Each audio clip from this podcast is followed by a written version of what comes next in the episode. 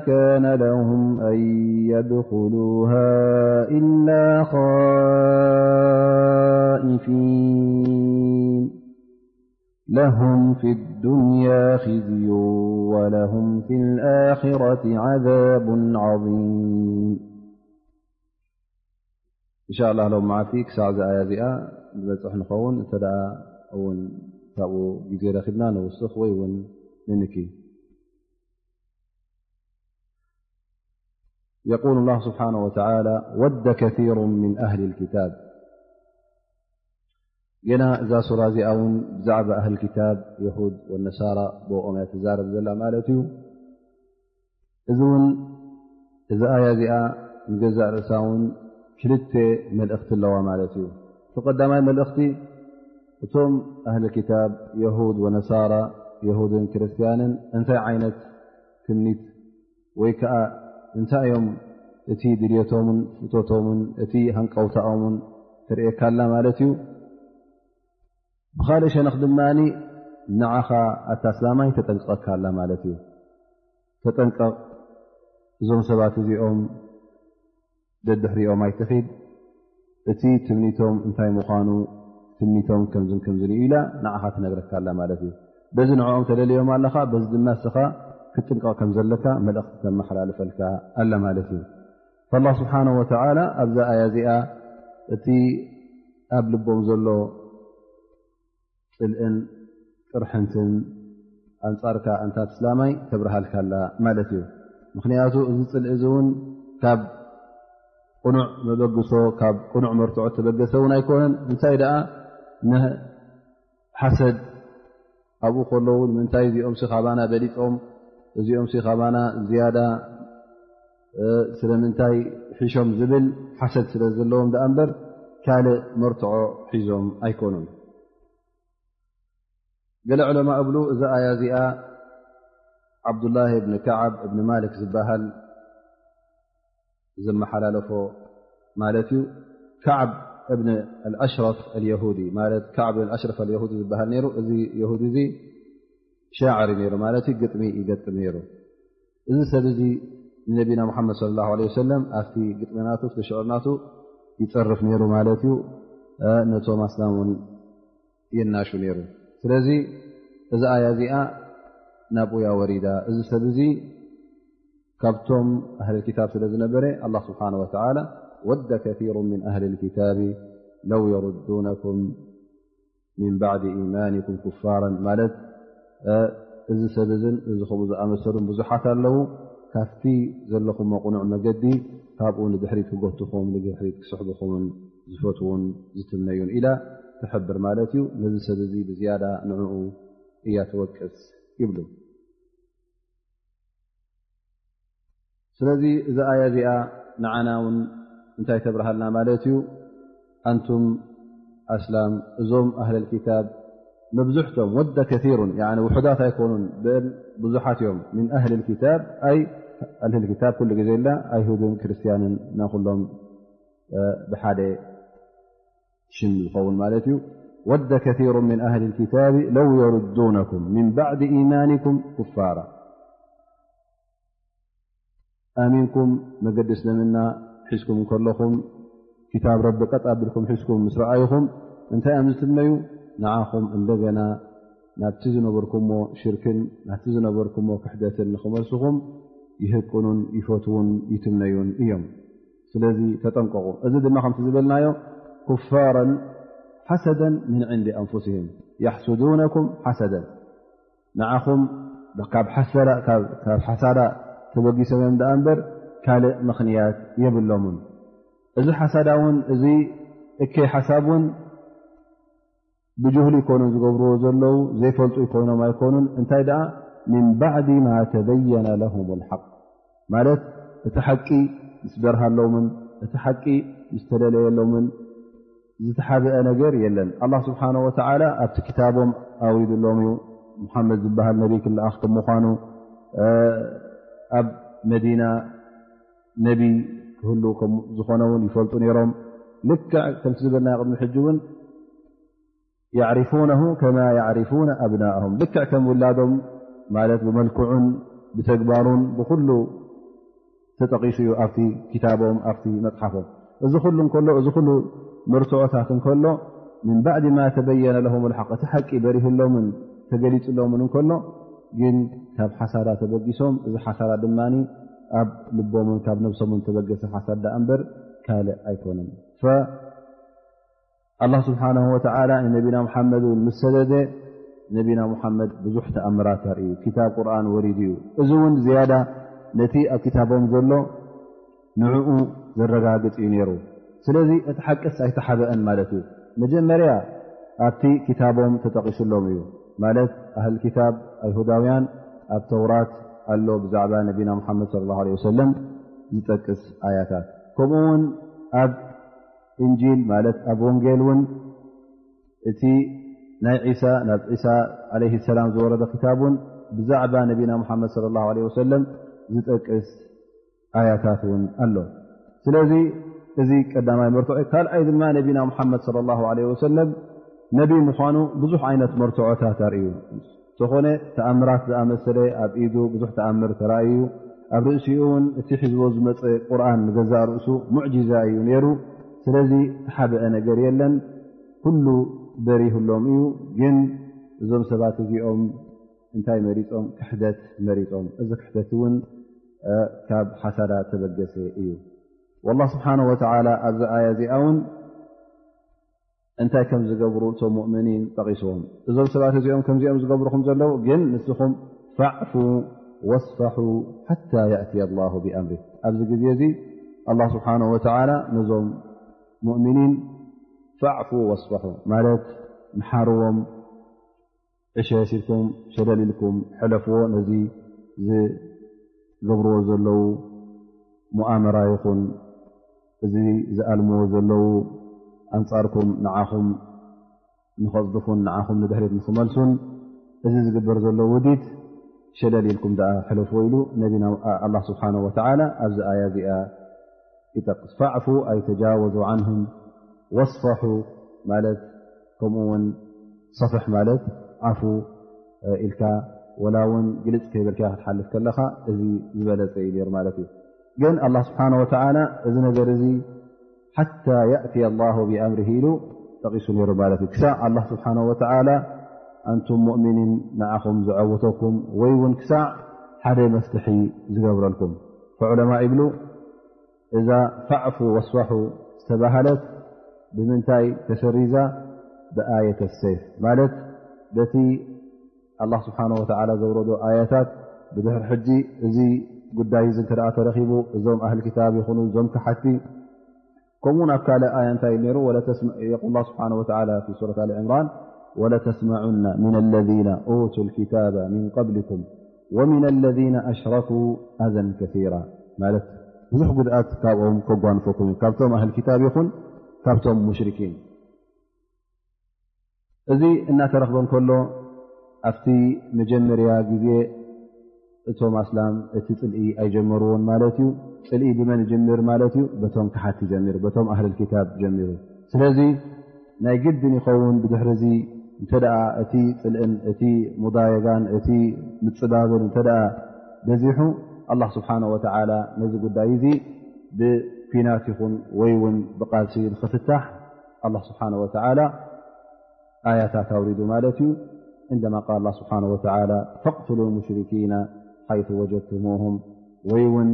وأكآيورة التوبة يقول الله سبحانه وتعالىذؤهصاغرلالذين لا يؤمنون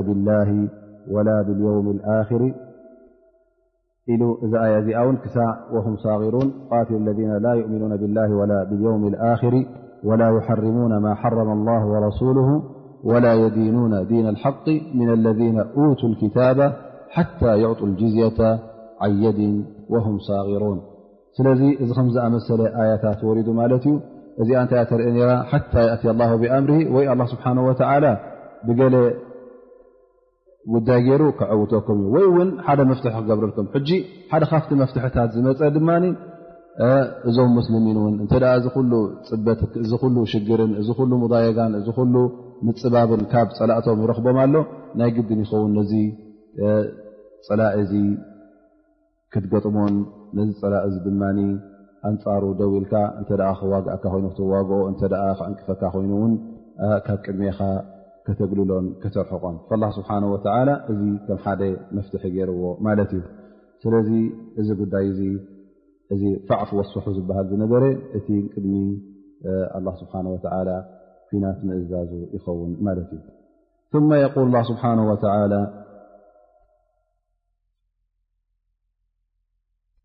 እነ ላሃ ዓላ ኩሉ ሸይን ቀዲር ኣይ ኣላ ስብሓን ወተላ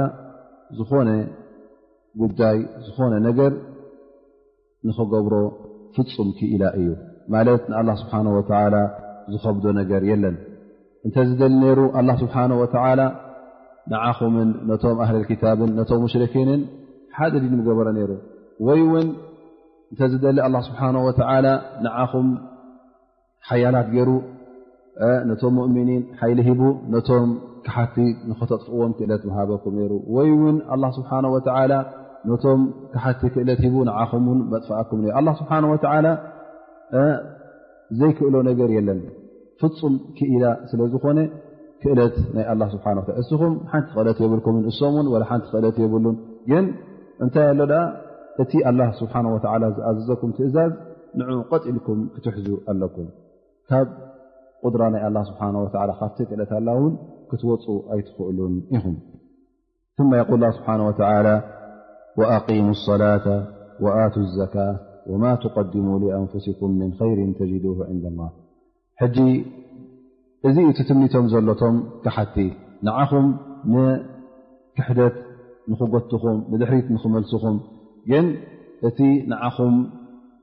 ዝጠቅም እቲ ንዓኹም ጠቓሚ ዝኾነ እንታይ ክትገብሩ ኣለኩም ቀጥ ኢልኩም ታሰላትኩም ክትሕዙ ኣقሙ ሰላة ኣቱ ዘካታ እዚአን ድማ ተን ቀንዲ ነገራት ማለት እዩ ድሕሪ ሸሃደት ኣላ ላ ላ ስለ ዝኾና ኣላ ስብሓን ወተላ ነቶም ሙስሊሚን ነቶም ሙእምኒን ናበይ ውጅሆም ኣሎ ማለት እዩ ነቲ ንኦም ኣብ ኣራ ዝጠቕሞም ብሕልፊ ኣብ ዮም ያማ ዝጠቕሞም ኣብ ዮም ያማ ተቐሚጡሎም ዝፀንሕ ቅሙጥ ኣብኡ ሓሊፉ ዝፀንሕ ሃብቲ ናብኡ ግልፅ ንኽብሉን ናብኡ ንኸተኩሩን ኣላ ስብሓን ወተላ ይሕብሮም ኣሎ ማለት እዩ ወኣቂሙ ሰላተ ወኣቱ ዘካ ሰላትኩም ኣቕምዋ ሰላትኩም ኣይትግደፉ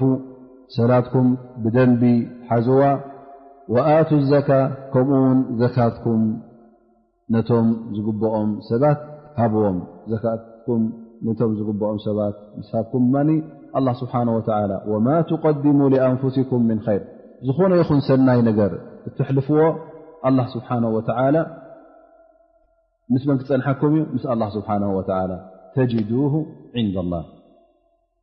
ማለት ኣይጠፍእን እዩ ዝኾነ ይኹን ሰናይ ተግባር እትገብሮ ስኻ ኣብዛ ኣዱንያ ወማ ትቀድሙ ኣንፍስኩም ምን ኸይርን ኩሉ ሰናይ ዘብኡ ጥራይ ሰላትን ዘካትን ኣይኮነን ግን ኣብ ርእሲኡ እውን ዝኾነ ይኹን ሰናይ እትገብሮ ኣንታ ሙእምን ኣንታ ሙስሊም ኣላ ስብሓን ወተላ እዚ ሰናይ ተግባር ሓቂፉልካን ሒዙልካን ክፀንሓካ እዩ ኣብ ዮም ኣልቅያማ እውን ናቱ ሞሳን ናቱ ዓስብን ክትረክብ ኢኻ ከምኡ ውን እንተ ነዚ ቐጥ ኣቢልካ ሒዝካ ውን ኣብ ኣዱንያ ውን እቲ ዓወት ንዓኻ እዩ ብዓወት ውን ክትጎናፀፍ ኢኻ ክሳዕ ዮም ቅያማ እትበፅሕ ውን ኩሉ ሓያትካን ኩሉ ሂወትካን ደስታን ዓወትን ክኸውን እዩ ኣብ ዮም ቅያማ ግን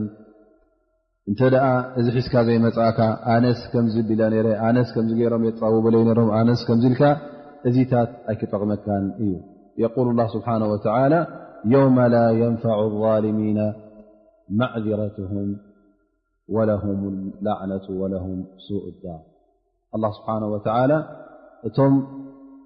ቫልሚን ዝበሃሉ እቶም መገዲ ኣላ ስብሓን ወተላ ዝተጋገዩ ማለት እዩ እቶም ነፍሶም ዝወፅዑ እቶም ነፍሶም ዝዓመፁ ሰባት እዚኦም ፅባሕ ንግሆ ኣነዚ ነረ ኣብዚ ነረ እናበለ ዝኾነ ይኹን ምኽኒት ክቕርብ እንተደኣ ኮይኑ እዚ ምኽኒት እዚ ኣይክጠቕሞን እዩ ፈፂሙ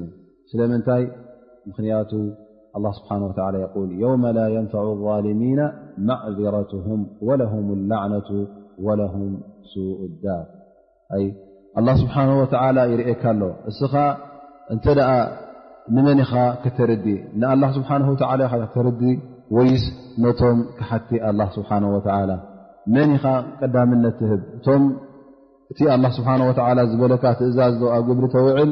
ወይስ እቶም ክሓቲ ዝኣዘዙኻን ወይ ንዕም ከተፍትን ንዑ ዓርከዩ ነዚ ሓወዩ ወይ ከዓ እዚ ከምዚ እዩ ኢልካ ንዕኡ ከተፍቱ ዲኻ ነቲ ትእዛዛት ኣላ ስብሓን ወተዓላ ሸለል ትብሎ ዘለኻ ወይስ ቀጥ ኣቢልካ ነዛ ዲንካ ሒዝካያ ኣለኻ እንተ ደኣ ሸለልትነት ኣርእኻ ነርካ ኮንካ ፅባሕ ንግሆ ኣነስ ከምዚ ነረ ኣብዚ ነርካ ዕዙር ክትቀርብ ወይ ከዓ ምኽኒት ከተቕርብ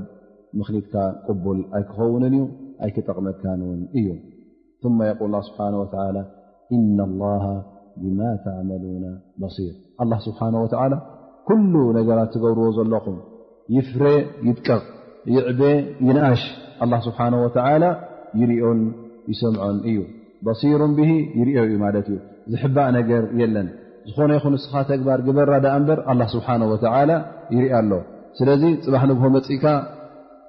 ኣነስ እዛኣ ሓቢኤ ገርያ ነረ እሞ ኣላ ኣይረኣያ ክትብል ኣይትኽእልን ኢኻ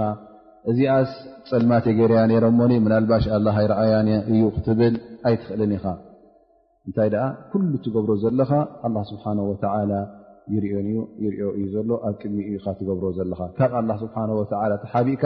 እትገብሮ ተግባር የለን ሰና ይኹን እከ ይኹን ኩሉ ነገራት ኣላ ስብሓን ወተላ ይርኦ ስለ ዘሎ ኩሉ እውን ክፅብፅቦ እዩ ፅባሕ ንግ ፅብፃብካ እውን እቲ ዝገበርካዮ ኩሉ ተግባራት ኣብ ቅድሜኻ ምስ ቀረበ ንዓ ያፎላን እዚ ድዩ መፅሓፍካ እዚ ን ከምዝ ጌርካ እወ እዚ ን ከምዝ ኣውዲድካ እናተባሃልካ ፀብፃብ ክትኣት ኢኻ ስለዚ ካብ ኣላ ስብሓን ወተላ ገለ ነገር ይሕባእ ኢልካ ኣይትፀበ ብድሕሪኡ ኣላ ስብሓን ወተላ ይብል ወቃሉ ለን የድኩል ልጀነተ ኢላ መን ካነ ሁዳ ኣው ነሳራ ትልከ ኣማንይሁም ቁል ሃቱ ብርሃነኩም እንኩንቱም ሳድቂን እንደገና እዚ ካልኣይ ትምኒት ማለት እዩ መጀመርያ እቲ ሓደ ትምኒት መጀመርያ ዝጠቐስናዮ ማለት እዩ ነቶም ሙእምኒን ድሕሪት ክመልስዎም ይፍትኑ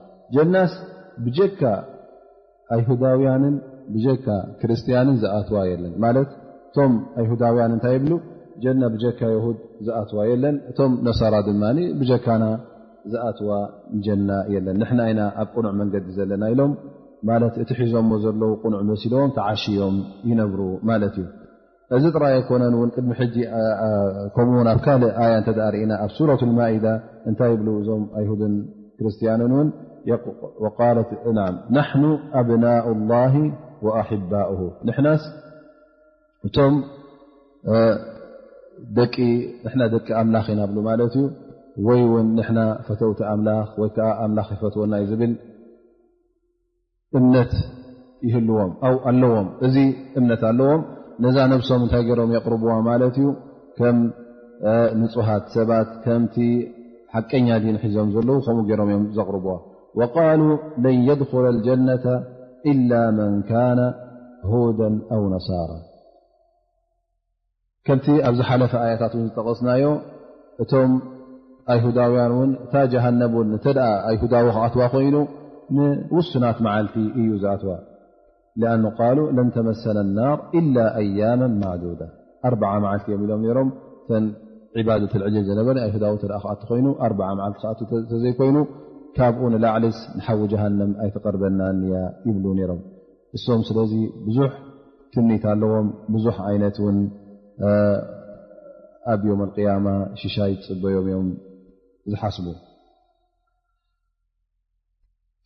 ኣላ ስብሓን ወተላ ግን እንታይ ይብል ትልካ ኣማንዩም እዚ ሓቂ እዩ ይበለ ኣ ስብሓ ወላ እንታይ ትልካ ኣማንዩም እዚ ትምኒቶም እዩ ትምኒት እሞ እንታይ ይጠቅም ኩላህና ንምነ ኣነ ክህፍትም ይምነ ንስኻ ክትህፍትም ትምነ ኣነ ንስኻን ጀና ንክንኣት ንምነ ኩላህና ር ክንረክብ ሰናይ ክንረክብ ትምኒትና እዩ ግን እዚ እንታይ ጠቕመና ትምኒት ጥራይ እተ ኮይኑ እንተ መገዲ ዝሓቂ ዘይሓዝና ሓደ ሰብ ከይሰረሐ ኣብ ገዛ እናውዓለ ከሎ ክህፍትም ተተምነየ እዚ ሰብ ዚ ይህፍትም ዶ ፈፂሞ ይህፍትምን እዩ ከምኡ ውን መገዲ ረቢ ከይሓዝካ ጀና ክትኣ ተተምነኻ ይጠቕመካ ተተምኒኻ ጀና ኣይትርከብን እያ ስለዚ እዚ ናይ ኣይሁዳውያንን ክርስትያንን ሓሳብ ትምኒት ዳኣ እንበር መገዲ ሓቂ ኣይሓዙን መገዲ ሓቂ ሒዞም እንተኮይኖም ድማ ያ ሙሓመድ ቁል ሃቱ ብርሃነኩም ሓቀኛታት እተ ኮይኖም እዚ ዝብልዎ ዘለዉ ትምኒት ኣይኮነን እዩ ኣይኮነን ይብሉ እተ ኮይኖም ያ ሙሓመድ እንታይ በሎም ንዑ ሃቱ ብርሃነኩም መርትዖኹም ሃቡ እንታይ እዩ መርትዖኹም ኣበይ ኣለኩም ደሊል ጀና ከም ትኣትዉስ ጭብጢ ኣለኩም ዶ የብልኩም ን ኢልካ ስኪ ሕተቶም እን ኩንቱም ሳድቂን ሓቀኛታት እተ ኮይንኩም እዚ ቃል ትብልዎ ዘለኹም ሓቂ እተ ኮይኑ እዚ ትምኒት እዚ ሓቂ እተ ኮይኑ ንዑ መርትዖ ሃቡና ኣላ ስብሓን ወተላ ብጀካ ኣይሁድን ወይ ብጀካ ክርስትያንን ካልእ ሰብ ጀና ዝኣትዋ ሰብ የለን ዝብል እተ ኮይኑ ንዑ ኣርእዩና እተ ከምኡ ኮይኑ ሰይድና ኣደም ኣይሁዳዊ ነበረ ወላቶም ኣንብያ ዝነበሩ እተ ናይ ኣይሁዳውያን ታሪክ ክጅምር ኮይኑ ካበኦም ጅምሮ ካብ ሰይድና እብራሂም እቲ ዝቀረበ እቲ ዝረሓቀ ማለት እዩ ምክንያቱ ሰይድና እብራሂም ኣባሓጎኡ ኣቦኡ ንእስሓቅ እስሓቅ ድማ ያዕቁብ ያዕቁብ እሶም ወለዶ ናይ ያዕቁብ እዮም ሕጂ ኣይሁዳውያን ኣቦ ሓጎኦም ማለት እዩ ሰይድና እብራሂም እቶም ቅድሚኡ ዝነበሩ ኣንብያ ኣይሁዳውያን ኣይነበሩ እንተ ናይ ክርስትና ኮይኑ እውን እቶም ቅድሚ ዒሳ ዝነበሩ ክርስትያን ኣይኮኑን ነይሮም ስለዚ ቃሎም ሲ ቅኑዕ ኣይኮነን ወላ በቲ ቃሎም እንተወሰድናዮ ውን እቶም ኣንቢያ ኩላቶም ውን ኣይሁዳውያን ኣይነበሩ ክርስትያን ውን ኣይነበሩ ስለዚ እቲ እሶም ሂቦሞ ዘለዎ ውሳነ እቲ ጀና ናቶምን ወይ ከዓ ናይ ክርስትያን ጥራይ ወይ ናይ ኣይሁዳውያን ኢሎም ሓሲቦሞን ተመንኖም ዘለውስ መርትዖ የብሉን ወላ ውን ካብ ክታቦም ይኹን ወላ ውን ካብ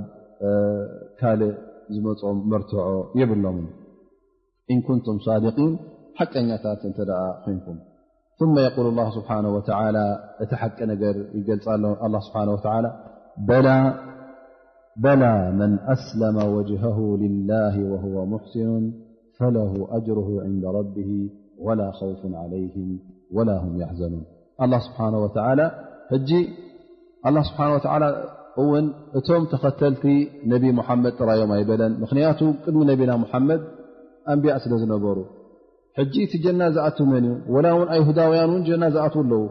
መን እዮም እቶም ንሙሳ ቀጢሎም መገዱ ሒዞም ዝኸዱ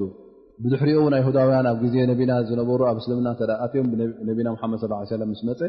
እዚኦም ውን ጀና ክኣትዉ እዮም ከምኡ ውን ክርስትያን ኣለዉ ንጀና ዝኣትዉ ግን ኣየኖት እዮም እቶም ብሓቂ ሰይድና ዒሳ እታ ሒዝዋ ዝመፀ መገዲ ተኸቲሎም ዝኸዱ እሶም ውን ንጀና ክኣትዉ እዮም ከምኡ ውን ኣለዉ እቶም ቆም እብራሂም ሰይድና እብራሂም ዝነበሩ ቆውም ሉጥ እቶም ብሉጥ ዝኣመኑ ብሳልሕ ዝኣመን እተ ኣሎ ኮይኑ በቶም ኣንቢያ ኩሎም ዝኣመኑ እውን እንተ ብሓቂ ኣሚኖም ነሮም ኮይኖም እዚኦም ውን ኣላ ስብሓን ወተላ ጀና ክእትዎም እዩ ስለዚ ኣላ ስብሓን ወተላ የቁል በላ መን ኣስለመ ወጅሃሁ ልላ ወ ሙሕስን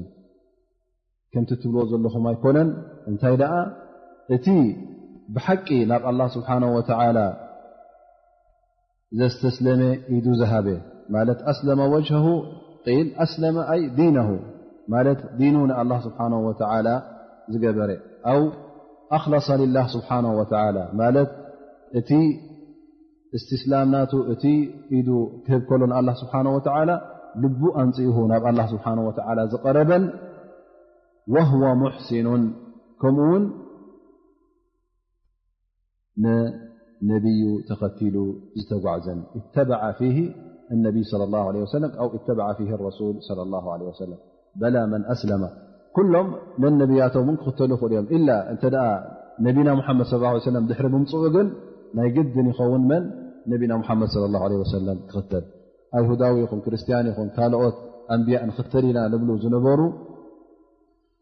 ድሕሪ መልእኽቲ ነቢና ሙሓመድ ለ ላ ለ ወሰለም ንነቢና ሙሓመድ ለ ላ ለ ወሰለም ክኽተሉ ግዴታ እዩ እንተ ደኣ ነቢና ሙሓመድ ዘይተኸተሉ ኣብ ክሕደት ኣለዉ ማለት እዮም ስለዚ እዛ ኣያ እዚኣ እንታይ ተብርህ ቀዳማይ ነገር እቲ ጀና ዝኣቱ መን እዩ በላ መን ኣስለመ ወጅሁ ማለት እክላስ ዝገበረ ንኣላ ስብሓን ወተዓላ ልቡ ኣንፅሁ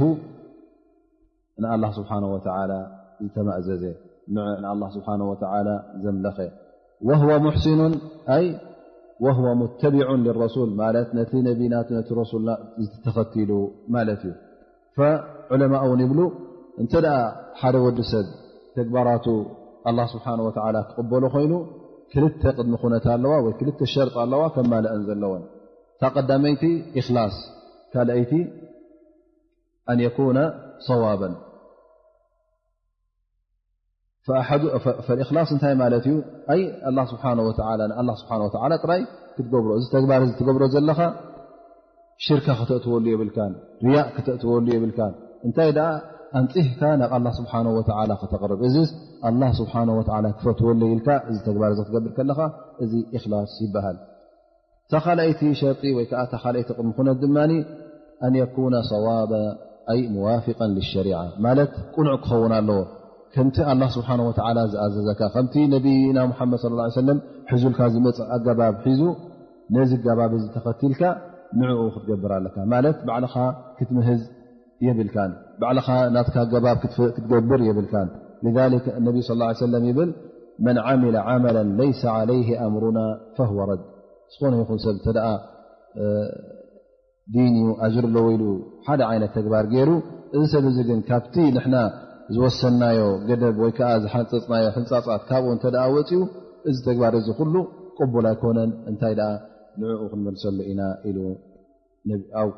ነቢና ም ስ ሰለ ናብኡ ክምለስ እዩ ኢሉ ስለዚ ምናልባሽ ሓደ ሰብ ኣለዉ ምናልባሽ ኣብ ክርስትያን ትሪኦ ትኸውን ወይ እውን ኣብቶም ኣይሁዳውያን ከምዞም ሩህባን ዝኣመሰሉ ወይ ኣብ ዓደና ከምዞም ፈለስቲ ትበሎም ወይ እውን ከምዞም ዓበይቲ ኣቕሽሽቲ ትሪኦ ለይትን ምስ መዓልትን ካብ ሰብ ርሒቑ ኣነስ ጥራይ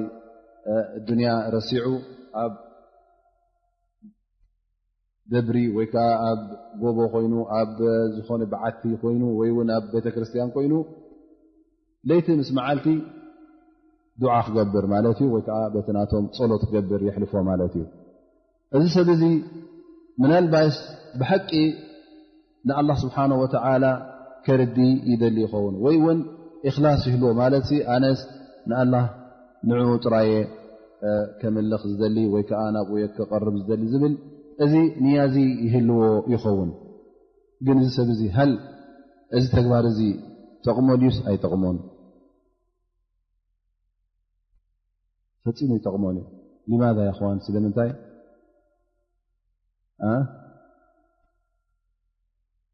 ኣይዋ እዚ ነገር እዚ ወላ እውን እክላስ ይሃለዎ ዳኣ እምበር ግን እዚ ሰብ እዚ ኣላ ስብሓን ወተላ ንነቢና መሓመድ ተኸተል ኣይበሎን ኣገባብ ናይ ነቢና መሓመድ ኣይሓዘን ስለዚ ወላ እውን እዚ ክላስ ሃንቀውታ ንኣላ ስብሓን ወላ ከርዲ ንኣላ ከምልኽ ድልት ይሃለዎ ኣ እምበር እንተ ካብቲ ነቢና ሙሓመድ ዘምፅ ካብቲ ኣላ ስብሓን ወላ ዝሓንፀፆ ኣገባብ ወፅኡ ተቐባልነት የብሉን ሊክ ኣላ ስብሓን ወላ የል እቶም ኩፋር እታይ ዮም ቅያማ እንታይ ከጓንፎም ከም ምኳኑ ክገልፅ እንከሎ የል ላ ስብሓን ወላ ወቀድምና ኢላ ማ ዓመሉ ምን ዓመል ፈጃዓልና ሃባእ መንራ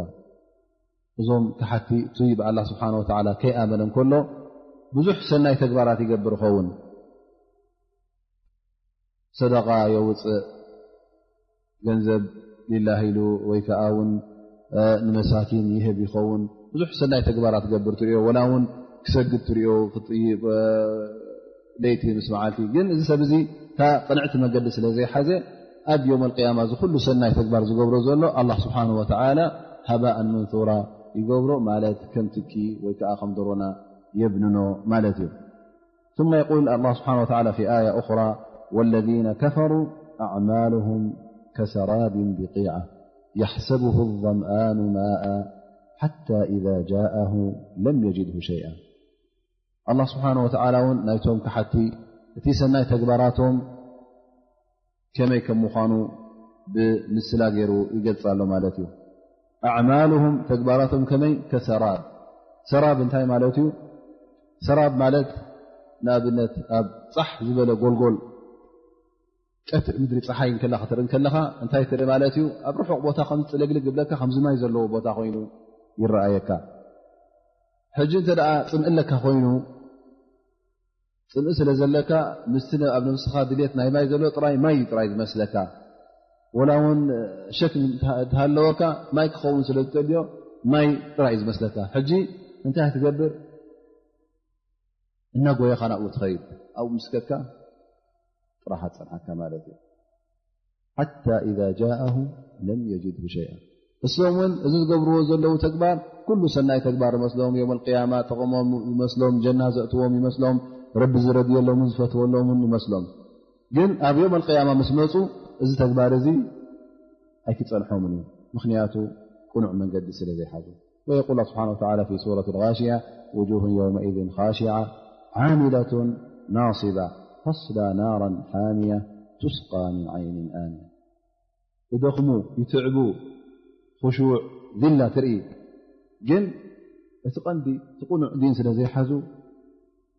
ሕጂ ምናልባሽ ኣብዚ ጥራይ ኣይኮነን ኣብቲ ናይ ክርስትና ናይ እሁዳውያን እውን ኣይኮነ ምናልባሽ ኣብቲ ናይ ብዝያዳ ኣበይ ርአ ኣብዞም ቡዙይን ዝበሃሉ እንተ ርኢኻ ነዛ ነብሶም ብብዓይነቱ መቕፃዕቲ እዮም ዝቐፅዕዋ እዚ ኩሉ እንታይ እዩ ዲን ሒዝና ኣለና ብማለት እዩ ሰናይ ክንገብር ኣለና ር ክንገብር ኣለና ወላ ውን እንስሳ ክንቀትላ የብልናን ዝብሉ እዮም ማለት እዩ እዚ ሕጂ ኩሉ ሰናይ መሲሎም እዚ ግን ወላ ሓንቲ ኣይጠቕሞምን እዩ ምክንያቱ እታ ዲን እታ ቅንዕቲ ዲን ወይከዓ እታ ቅንዕቲ ሃይማኖት ስለ ዘይሓዙ ከምኡ ውን ካልኣይ ሸርጢ ዝበልናዮ ኩሉ ግዜ እቲ ቀዳማ እዚ ካልኣይ ሸርጢ ማለት እዩ ናይ ግድን ሙታባዓ ወይ ከዓ ቅኑዕ ክኸውን ቕኑዕ ዲን ሒዝካ ክትከውን ኣለካ ዳኣ እምበር እንተ እሱ ዘይሓዝካ የብልካን ማለት እዩ ኣብ ርእሲኡ ድማ ከምቶም ሙናፍቒን ክትከውን የብልካን እክላስ ውን ኣድላይ እዩ ምኽንያቱ እቶም ሙናፍቒን እውን ብልቦም ክሒዶም ብኣፎም ኣሚና ናይ ዝበሉ እውን ፈፂሙ ኣይጠቕሞምን ሓደ ሰብ እንተ እታ ልቡ ክሕደት ሒዛ እንከላ ኣነ ኣስላማየ ኣነ ብሙሓመድ ይኣምን እየ ኣነ ብክታብ ቁርን ይኣምን እየ ኣነ ር ገብር እየ ኣነ ይሰግድ ምሳኹም እናበለ እዚ ኩሉ እተገበረ እውን ወላ ውን ዝተግበራት እዚ ቅኑዕ ይኹን ዳኣ እምበር ሰላት ቅንዕቲ እያ ክትስገድ እቲ ዝብሎ ዘሎ ቃል እውን ፅቡቕ ቃል እዩ ጥዑም ቃል እዩ ግን ናይ ብሓቂ እክላስ ስለ ዘየለ ካብ ልቦ ስለ ዘይተበገሰ እዚ ጉዳይ እዚ እዚ ሰብ እዚ እውን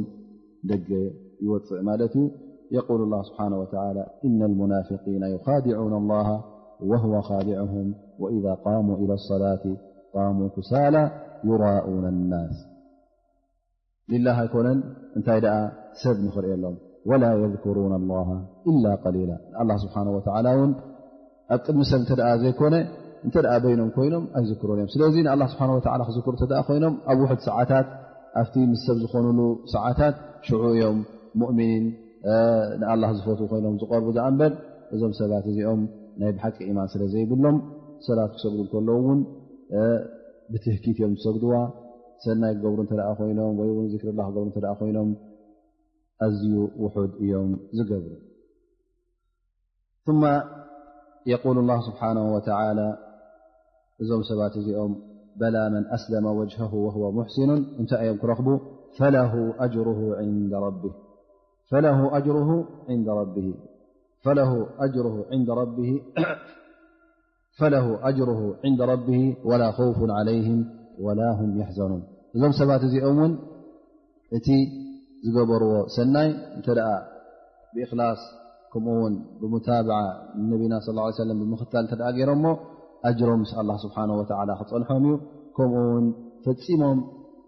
ካብ ኣብ ዮም ቅያማ ንዘጓንፎም ጉዳይ ፈፂሞም ኣይክፈርሁን እዮም ማለት ዝመፃኢ ኣይከፍርሆምን እዩ ፅባሕ ንግሆ ዮም ቅያማ ኣላ ዓዛብ ኣሎ ስቃይ ኣሎ ሒሳብ ኣሎ እዚ ነገር እዚ ክሰምዑ ከለዉ ኣይክፈርሁን እዮም ምክንያቱ ቅንዕቲ መገድን ንፅህቲ ልብን ስለ ዝሓዙ ወላ ም የሕዘኑን ከምኡ ውን እቲ ኣብ ኣዱንያ ዝሓልፎም ዘሎ ምናልባሽ ናይ ሙትዓ ናይ ኣዱንያ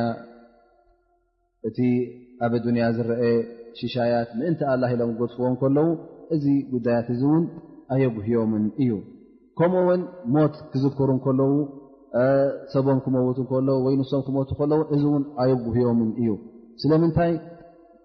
እታ ፅባሕ ንጎ ትፅበዮም ዘላ እሳ ትዓብን እሳ ትበልፅን ኣብኣ ዝዓበየ ሽሻይን ዝርከብ ከም ምኳኑ ስለ ዝፈልጡ ናይ ኣዱንያ ፈፂሙ ኣየሕዝኖምን እዩ ከምኡ ውን መፃኢ ዮም ኣልቅያማ ፈፂሙ ኣይክፈርህዎን እዮም እዚ መፃኢ እዚ ምኽንያቱ ንዕኦም ራህዋን ደስታን ስለ ዝኾነ ثመ የقል ላ ስብሓን ወላ ብድሕሪ ዚ እውን እንታይ ብል እቲ ኣብ መንጎ ኣይሁዳውያንን ኣብ መንጎ ክርስትያን ዝተረኸበ ምፍሕፋሕ ማለት እዩ የል ላ ስብሓን ወላ ወቃለት የሁድ ለይሰት ነሳራ ዓላ ሸይ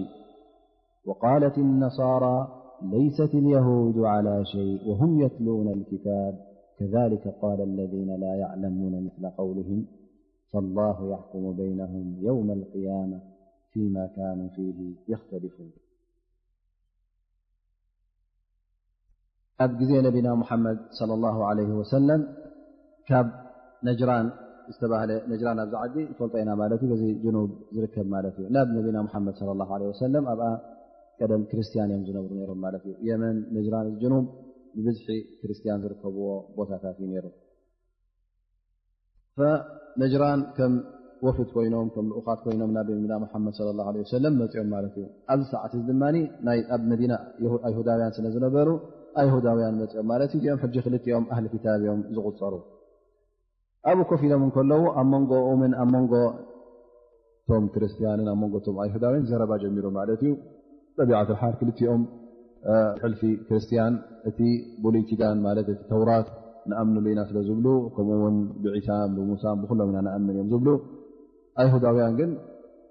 በቲ ሓድሽ ኪዳን ዝባህለ ወይ ከዓ ብእንጂል ኣይኣምኑን እዮም ግን በቲ ተውራት ብሙሳ እዮም ዝኣምኑ ማለት እዩ ስለዚ ኣብ መንጎኦም ገለገለ ዘረባ ተረኪቡ ማለት እዩ እቲ ዘረባ ግን ኣብ ምንታይ ተመሓላሊፉ ማለት እዩ ኣብ መንጎኦም ምስሕሓብ ተረኪቡ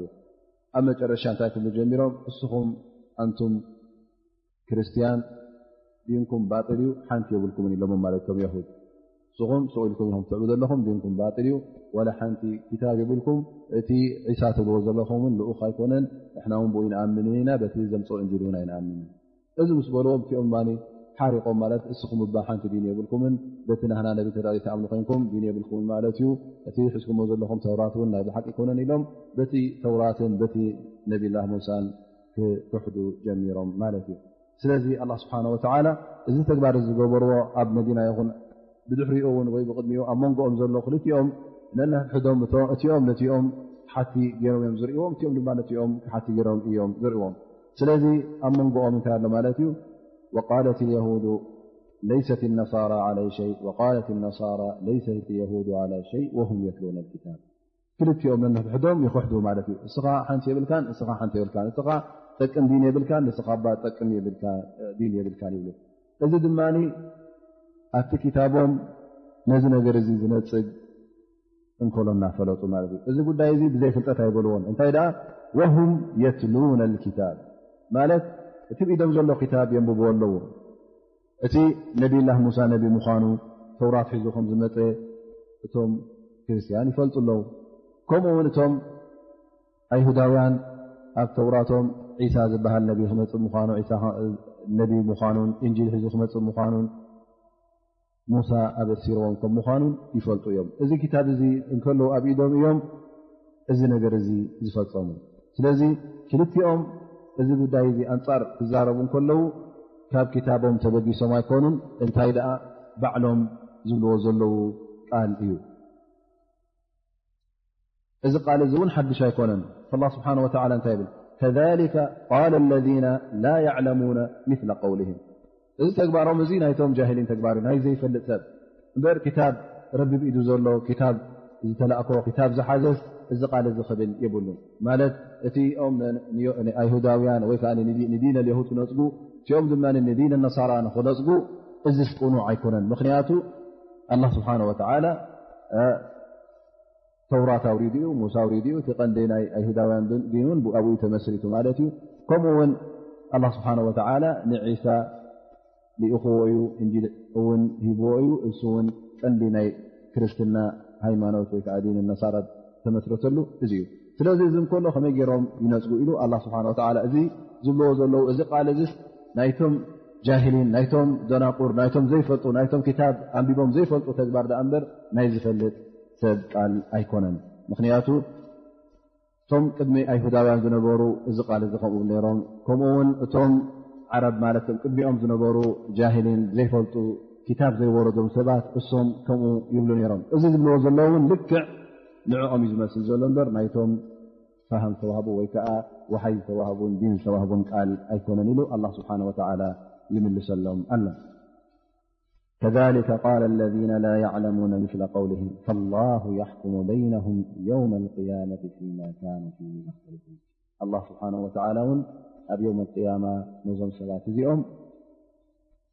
ክፈርዶም እዩ ምክንያቱ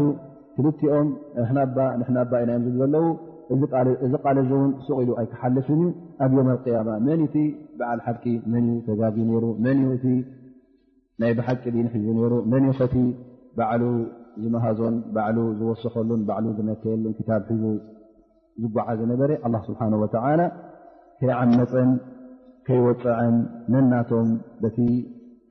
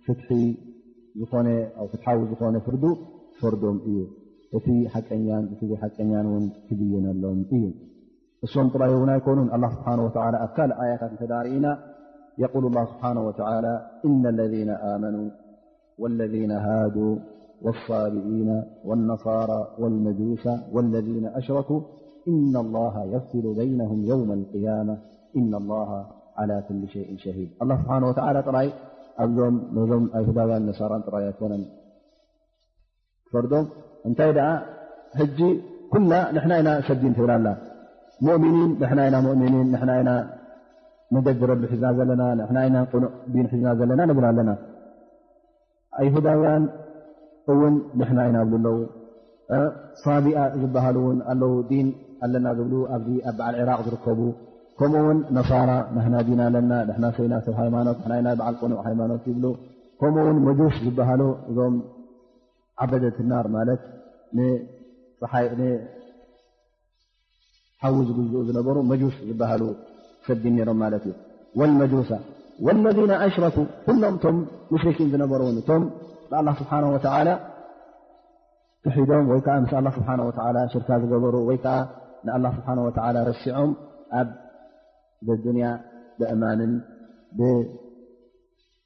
ዕንጨይትን ንካል ነገራት ዝሰረሕዎም ምስልን ስእልን ንዕኦም ዝግዝኡ ወይ እውን ንከምኦም ሰብ ዝግዝኡ ወይ ውን ንእንስሳ ዝግዝ ንእንስሳ ዘምልኹ እዞም ሰባት እዚኦም ሙሽርኪን ይበሃሉ ማለት እዮም እዚኦም ውን ኩሎም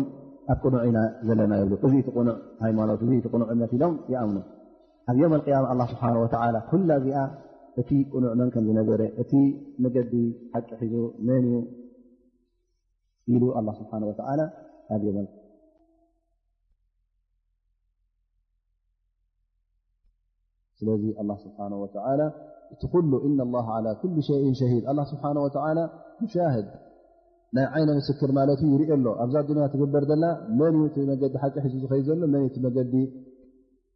ጌጋ ሒዙ ዝኸይ ዘሎ ኣላ ስብሓን ወተዓላ ባዕሉ ይርእ ኣለዉ ንዕኡ ዝሕብኦ የለን ዮም ቅያማ ድማ ብዓይኑ ስለ ዝረኣዮ ባዕሉ ስለ ተኸታተሎ ኣላ ስብሓን ወተዓላ ፈርደና እዩ ንኩላዕና ነቶም ኣስላም ንኹን ነቶም ኣይሁዳውያን ነቶም ክርስትያን ነቶም መዱስ ንዝኾነ ይኹን ሃይማኖት ኮታ ኣብ ምሉእ ዓለም ዘሎ ሃይማኖት ኣሽሓት ሃይማኖታት ይኹን ወላ ቢልዮናት ይብፃሕ ድኣ እምበር ኣላ ስብሓን ወተላ ንኩሉ ፀብፂቡን ንኩሉ በብሓደ ኣይናይቲ ቁኑዑን ኣይናይቲ ዘይቁኑዑን ባዕሉ ስለ ዝፈልጦን ባዕሉ ስለ ዝረኣዮን ኣላ ስብሓን ወተላ ክርድኡ እዩ ማ የሉ ላ ስብሓነ ወተላ ومن أظلم ممن منع مساجد الله أن يذكر فيها اسمه وسعى في خرابها أولئك ما كان لهم أن يدخلوها إلا خائفين لهم في الدنيا خين ولهم في الآخرة ዓዛብ ዓም ወመን ኣظለም ብማዕና ላ ኣሓደ ኣظለም ካብኦም ንላዕሊ ዛልም ዝኾነ ወይ ከዓ ካብኦም ንላዕሊ መገዲ ኣላ ዝተጋገየ ዘይርከብ ማለት እዩ መን እዮም እሶም እቶም ካብ መሳጊድ ኣላ ንሰብ ዝኽልክሉ ማለት እዩ ኣልመቅሱድ እቶም ሙሽርኪን እዮም ማለት ነቢና ሙሓመድ صለ ላ ለ ወሰለም ኣብ ካዕባ ክሰግብ እንተደለየ ገና ብ መካ ከሎ የፃብብሉን ክልክልዎን ይፍትሉ ነይሮም እቶም ሙስሊሚን እውን ኣብኡ ክሰጉ ዝደለዩ ይክልክልዎም ነይሮም ብድሕሪኡ እውን ኣብ ግዜ ድሕሪ ህጅራ እውን ዑምራ ክገብሩ ምስ መፁ እውን ሙሽርኪን ነቶም ኣስላም ከልኪሎሞም ማለት እዩ ስለዚ ኣላ ስብሓን ወተላ ሕጂ ናበይ ግልፂ ኢሉ ናበይ ብዛዕባ እቶም ሙሽርኪን ይዛረባ ኣለ ካብቶም ኣይሁዳውያን ክርስትያናን ካብኦም ናበይ ይሰግር ኣሎ ማለት እዩ ናብቶም ሙሽርኪን ላ በይኑ ስብሓን ወተላ ኣ ላ ኣሓደ ኣለም ካብኦም ብዝያዳ ዛልም ዝኾነ የለን እቶም ካብ መሳጊድ ኣላ ስብሓን ወተላ ነቲ ኣብዚ መስጊድ እዚ መፅኡ ዝክሪ ክገብር ሰላት ክሰግድ ሓጅ ክሕጅጅ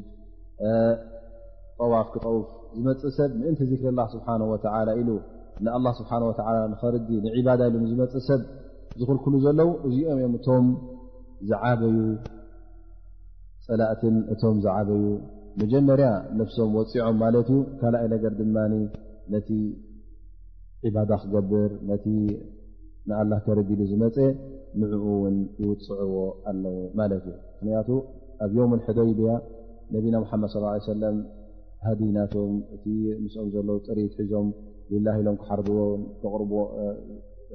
ሊላ ኢሎም ንክሓርድዎ ሒዞሞ ዝመፁ ቁርባን እዚ ኩሉ እናረኣዩ ከለዉ ሙሽርኪን ንነቢና ሓመድ ስ ሰለም ኣይተኣቱን ኢኻ እስኻ ምፆትካን ኢሎም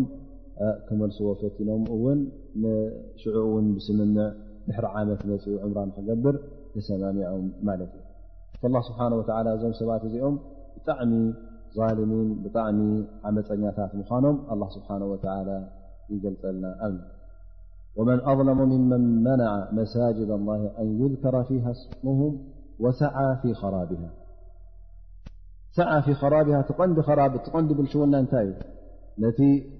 ዑምራ ክገብር ኢሉ ዝመፅእ ሰብ ነቲ ዚክርላ ክገብር ኢሉ ዝመፅእ ሰብ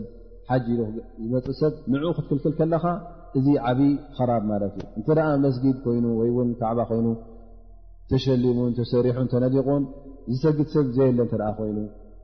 ዱዓ ዝገብረሉ ሰብ ዘይኣትዎ ሰብ እንተ ኮይኑ እንታይ ፋይድ ፋይዳ ብሉ እዚ ብዝያዳ ኸራብን ብልሽውናን እዩ ዝቁፀር ማለት እዩ ስለዚ መስጊድ ጥራይ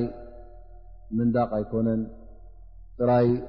ዒማረት መሳጅድ ክበሃል እንከሎ ኩሉ ግዜ እቲ ምንዳቕ እትው እዩ ግን እቲ ቐንዲ ካብቲ ምንዳቕ እንታይ እዩ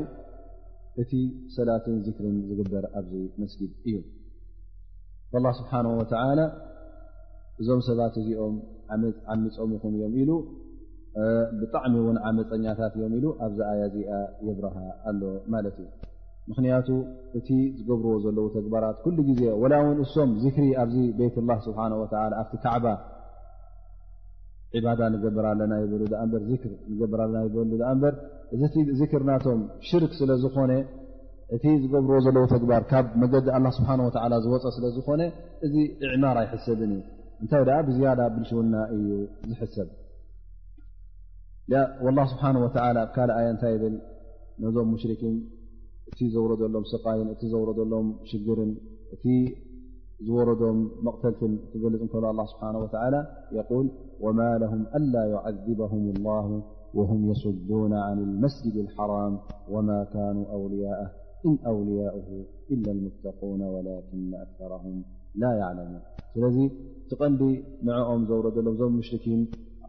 ነቢና ሙሓመድ صለ ላه ለ ወሰለም ክዋግኦምን ኣላ ስብሓን ወላ ስቓይ ክውርደሎምን ቀንዲ ጠንቂ ዝኾነ ካብ ጠንቅታት ነቶም ሙእምኒን ነቶም ዱዓ ክገብሩ ዝደልዩ ነቶም ዒባዳ ክገብሩ ዝደልዩ ሰብ ካብ ቤት ላ ስብሓ ወላ ካብ ካዕባን ካብ መሳጅድን ስለ ዝፈልፈልዎም እዮም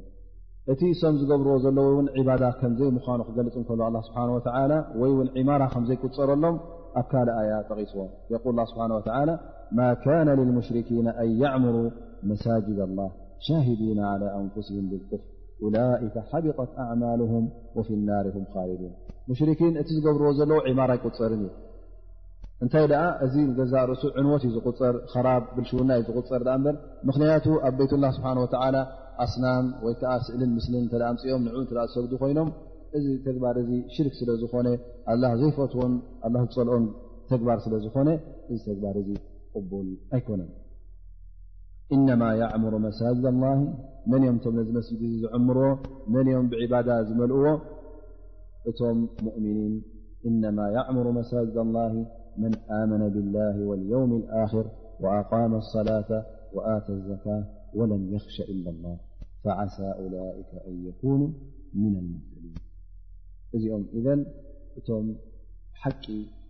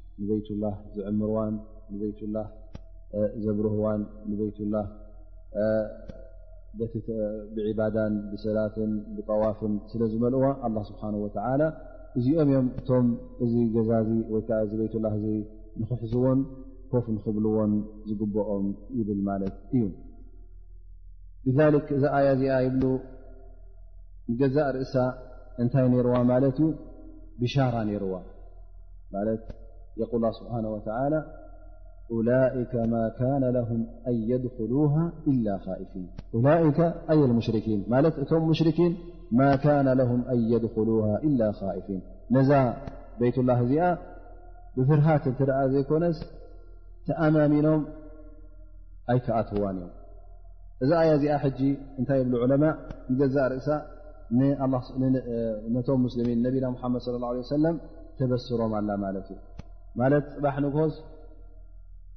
እዞም ሙሽርኪን ነዛ ቤት እዚኣ ፈፂሞም ኣይ ክቐርብዋን እዮም ክቐርቡዋ ክኣትዋ እንተ ኮይኖም ወይ ምሳኹም ብህድና ብስምምዕ ክኣትዋ ወይ እውን ተሓቢኦም ከይትርእዎም ከይትቐትልዎም እናፈረሁ ክኣትዋ እተዘይኮይኖም እዛ ገዛ እዚኣ ወይ ከዓ እዛ መስጊድ እዚኣ ኣይ ክቐርብዋን እያ ማለት እያ ላይከ ማ ካነ ለሁም ኣን የድኹሉሃ ኢላ ኻኢፊን ኣ እተ ርእና ብድሕሪኡ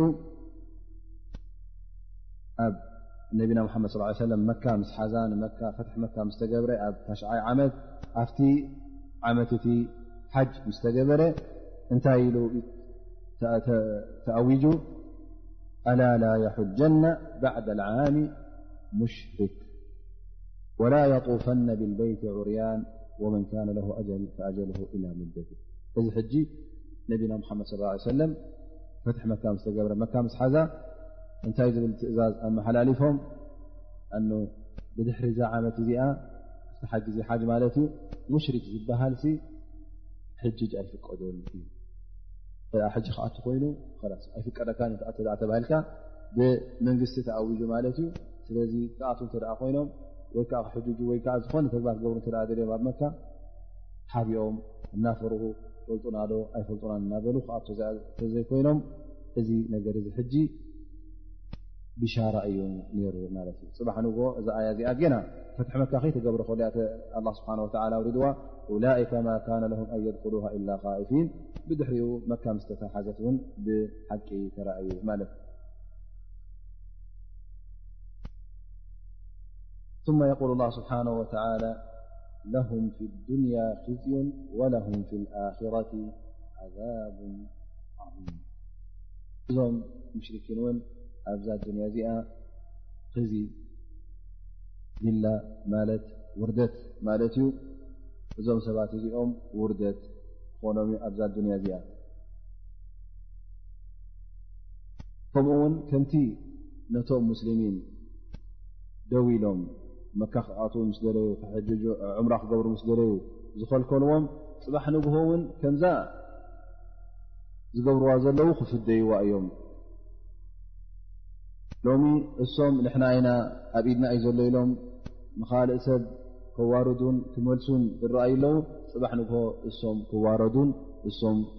ከምዘይቀርብዋን ክግበር እዩ ኢሉ ኣላ ስብሓን ወተላ ይጠቅስ ማለት እዩ ወለሁም ፊ ልኣክረት ዓዛብ ዓظም እዚ እውን እቲ ናይ ቤት ላ ስብሓ ወላ ሕርማ ማለት ዕምራ ክገብር ዝመፀ ሰብ ሓጅ ክገብር ዝመፀ ሰብ ክኽልከል የብሉን ኢሉ ኣላ ስብሓ ወ ኣዚዙ እዞም ሰባት እዚኦም ግን ነቶም ሙእምኒን ነቶም ብሓቂ መገዲ ኣላ ዝሓዙ ነቶም ኣላ ስብሓ ወ ጥራይ ዘምልኹን ነቶም መዋሒዲን ንዕኦም ሰጉጎሞም ንዕኦም ምእታው ከሊኦሞም ኣብ ርእሲኡ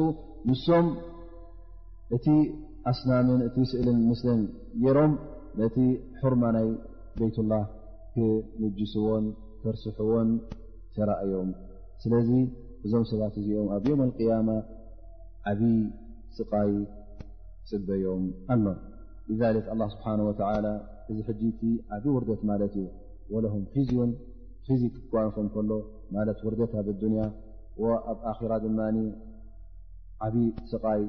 ወይ ከዓ ዓም ማለት ፍፁም ዓብዪ ዝኾነ ስቃይ ከጓንፎም እንከሎ እዚ ጉዳይ እዚ ቀሊል ኣይኮ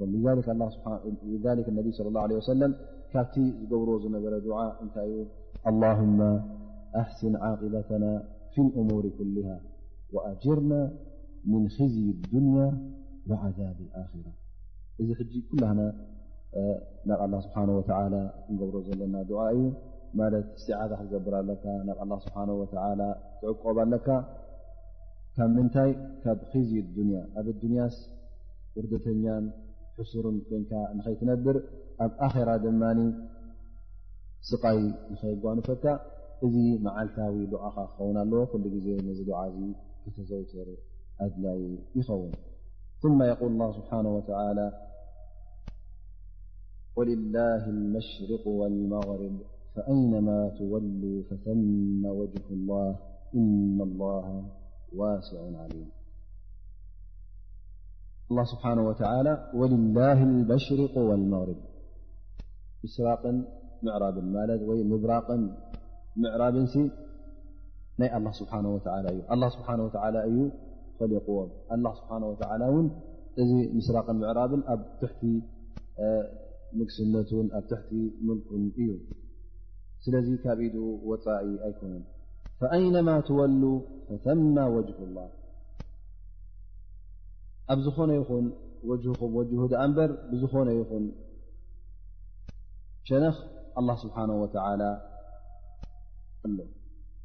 ማለት ኣብ ሰላት ማለት እዩ ቂብላ ብዛዕባ ቂብላ ጠቅስ ማለት እዩ ሕና ከምቲ ንፈልጦ ነቢና ሙሓመድ ስለ ላ ሰለም ኣብ መካ ኮይኑ ክሰግድ እንከሎ ንናበይ ገፁ ክሰግድ ነይሩ ንቤት መቅድስ ግን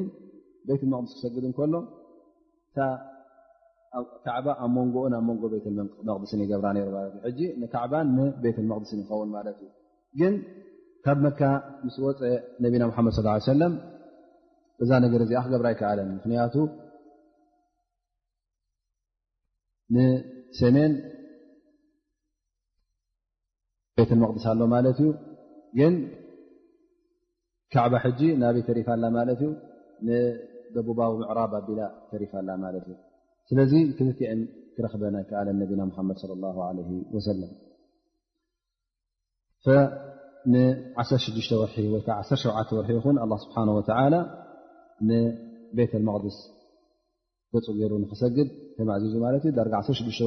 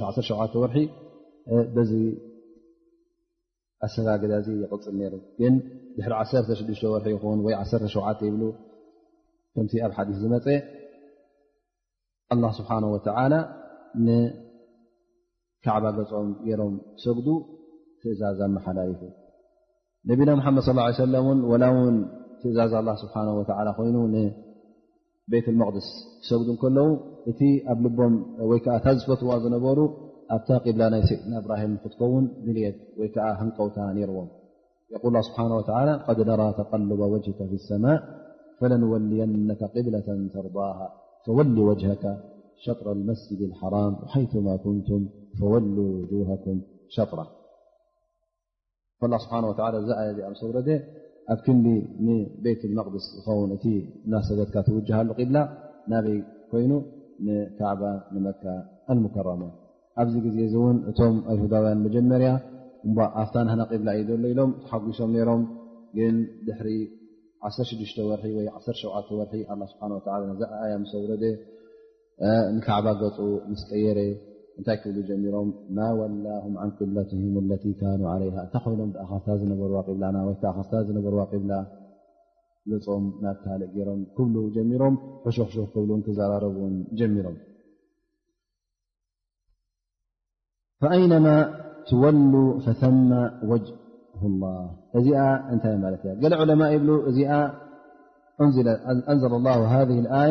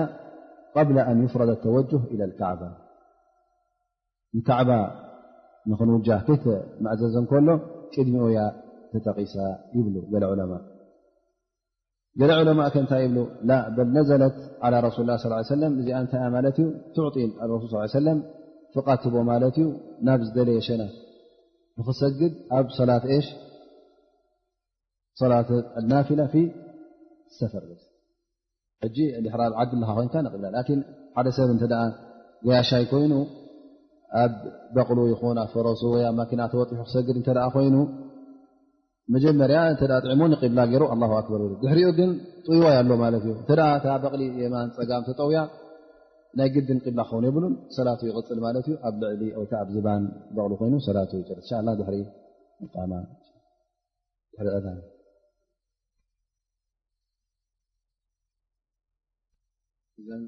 እዛ ኣያ እዚኣ ገለ ዑለማ ኢሎም እዛ ኣያ እዚኣ ቀብሊ ኣን ትፍረድ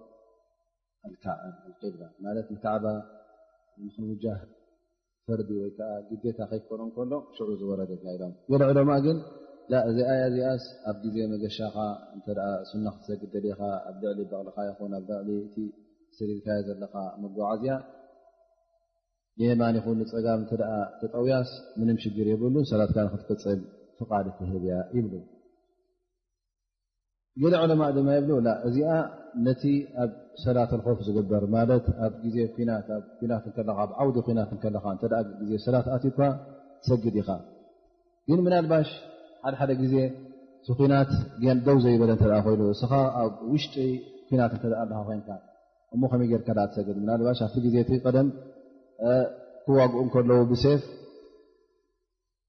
ገፅ ንገፂኦም ዝዋግኡ ነይሮም ማለት እዩ ስለዚ እናተሃራረብካ ከለካ ድሕሪ ኣ ኮይንካ እሞ ኣነስ ንቂብላ ገይረ ክሰግድ እየ እተዳኣልካ ብድሕሪካ መፅኡ ገፅ እተ ዘይትብሎ ኮይንካ ድሕሪካ መፅኡ ቀትለካ እዩ ስለዚ ኣብ ግዜ ኩናት ሰላት ልኮፍ እናሰገድካ ከለኻ እንተ ኣብ ናይ ምትህራም ኣለኻ ኮንካ ኣብዚ ሰዓት እዚ ወላ ው እናተሃራረምካ ከለኻ ትሰግድ ማለት ዩ ሰላትካ ትቕፅል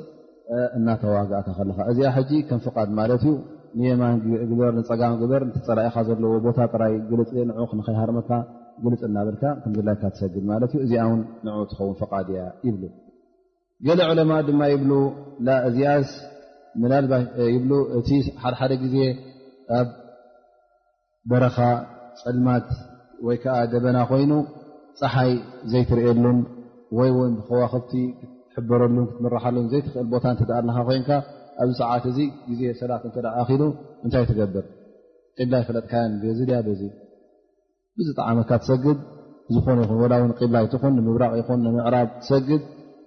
ኣላ ስብሓን ወተላ እውን ብዝኾነ ሸነክ ስለ ዘሎ እታ ሰላትካ ይቕበለልካ እዩ ስለዚ ናይ ግድን ንቅብላ ክትብልሲ ኣድላይ ኣይኮነ ስለዚ እዛ ኣያ እዚኣ ውን ነዚ ከምዝኣመሰለ ጉዳያት ንክትፈትሕ ኢላ ዝወረደት እያ ይብሉ ስለዚ እዚ ኣያ ንኡ ይኹን ዓላ ኩል ሓል እዚ ኩሉ ዝተባህለ እውን ቅኑዕ እዩ ማለት ሓደ ሰብ ኣብ ግዜ ኩናት እተ ዘይጥዕሙ ኮይ ንቅብላ ንክርኢ ወላ ውን ቅብላ ከይረኣየ ዝባን ሂቡ ንቅብላ ክሰግድ ይኽእል እዩ ከምቲ ከምኡውን እቲ ኣብ ግዜ ፀልማት ቅብላ ክፈለ ዘይከኣለ ን ኣብ ዘይፈልጦ ዓዲ ኣብ ዘይፈልጦ ቦታ እኣ ኣሎ ኮይኑ ሰዓት ናይ ሰላት እተ ኣኪልዎ ናይ ግድን ኣይኮነን ቅብላ ክፈልጥ ብ ክንታ ሰላት ትሓልፎ ንዝኾነ ሸነክ ይሰግድ ማለት እዩ ከምኡውን ኣብ ሰላት ኣናፊላ ኣብ ሰፈር ኣብ መገሻ እተ ትሰግድ ኣለካ ኮይንካ ናይ ግዴታ ኣይኮነን የማን ወይ ንፀጋም ማለት ተክልካ ክሉ ግዜ ንቅብላ ንክትርኢ ወይ ንፀጋም የማን እናተጠቑካ ከለካ ብማኪና ትኹን ወይዋን ብዝኾነ ይኹን መጓዓዝያ ክትሰግድ ይፍቀደካ እዩ ስለዚ እዚ ናይ ሎማዓት ደርስና በዛ ኣያ እዚኣ ይፍፀም እንሻ ላ ከምቲ ኩሉ ግዜ ዝለመድናዮ ውን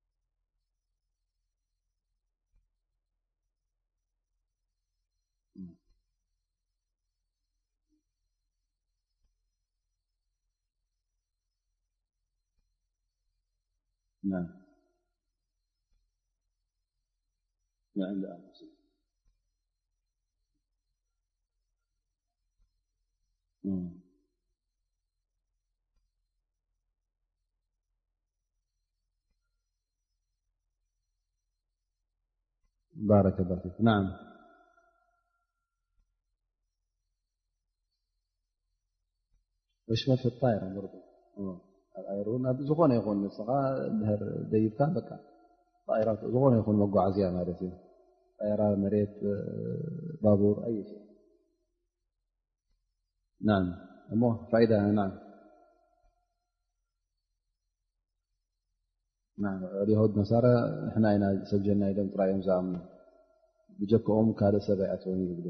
ካልእ ፋይዳ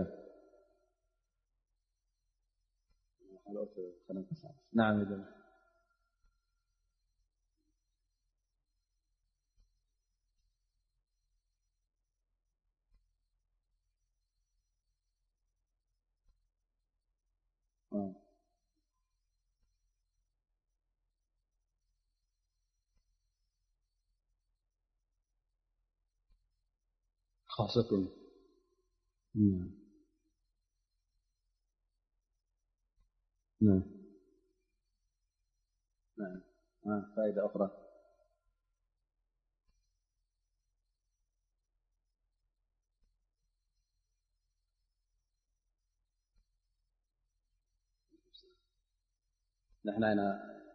ኣብ ሓቂ ዘለና ኢሎም እቲኦም ማ ንሕና ኢና ኣብ ሓቂ ዘለና ግን ንስኹም ሓቂ የብልኩም ይብሎሞ ማለት እዩ ን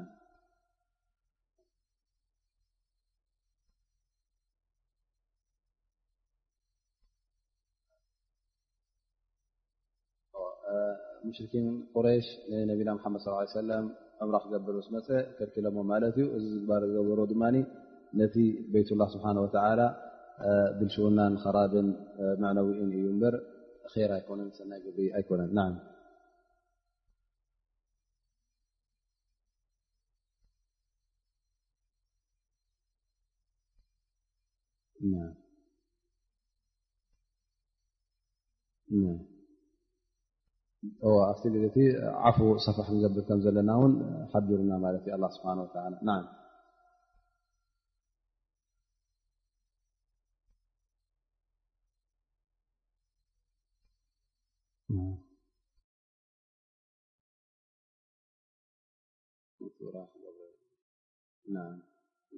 እዞም ክፋ ዝገብርዎ ዘለዎ ሓኮትኮት ይብሉ ንና ንኣላ ነፍትለና ይብል ኣ በር ፈቐዶ ጎቦን ፈቐዶ ሽንጨሮን ፈቐዶ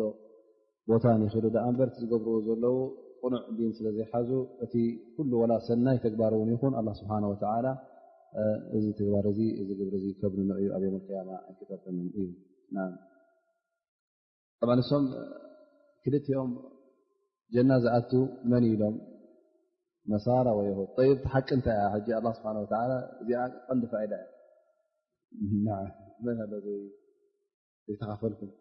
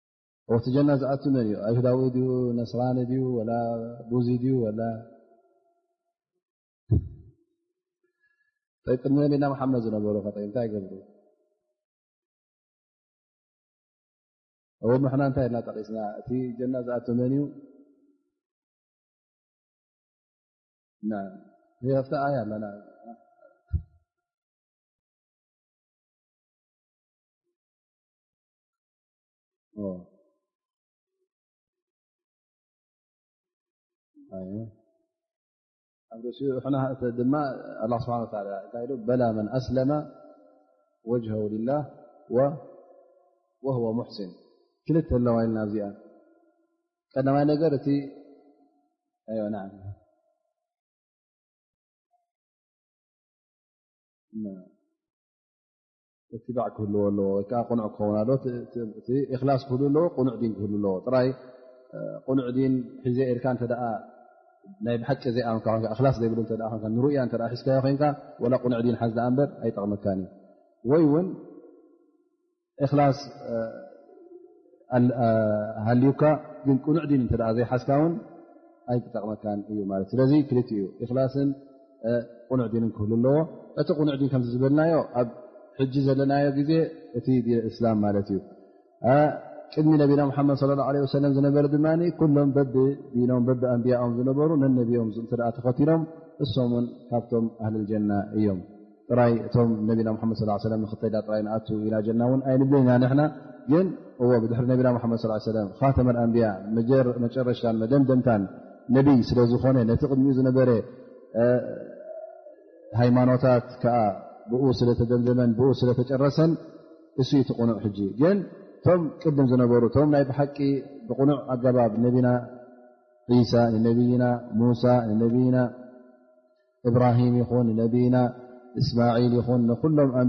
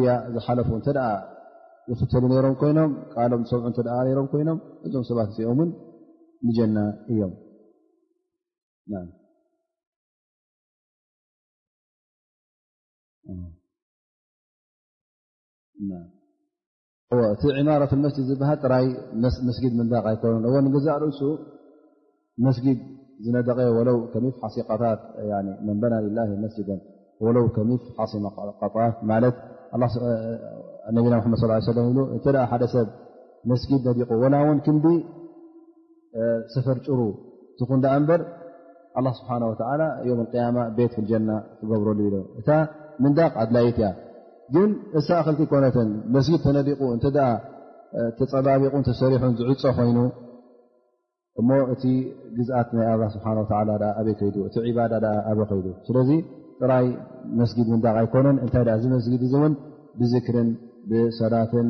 በቲ ኩሉ ኣላ ስብሓን ወተላ ዝፈትዎ ሰናይ ተግባራትን ክዕምር ኣለዎ ዳኣ እምበር እተ ዘይዓመረስ ዳርጋ ዝበረሰ እዩ ዕፁው መስጊድን መስጊድ ዘይብሉ ቦታን ኩሉ ሓደ ዩ ማለት መስጊድ ጌርካ እተ ዓፂኻዮ ዘይስገዶ እተ ኮይኑ ዳርጋ ጎልጎል ማለት እዩ ምክንያቱ እተ ዘይእዘኖ ኮይኑ እተ ዝክሪ ዘይግበሩ ኮይኑ ወላ ሓንቲ ኣይጠቅም እዩ ን እሱ ቀንዲ ምክንያት ኮይኑ ነዚ ኣያ እዚኣ ኣርዱ ግን እዛ ኣያ እዚኣ ድማ ንዑ ጥራ የጠቐሰትን ግን ወዳ ብዙሓት ሓደ መብዝሕቶም ከምኡ እዮም ማለት እዩ እዚ እውን ንዕኡ ዝሕብር ማለት እዩ ስለዚ ጥራይ ናብኡ ውን ትውረድ ወይከዓ እሱ ጠንቂ ወይ ምክንያት ይኹን ዳኣ እምበር ግን ከምኡ ውን ከም ሓመድ ኣለዉ ብዙሓት ኣለዎ ማለት እዩ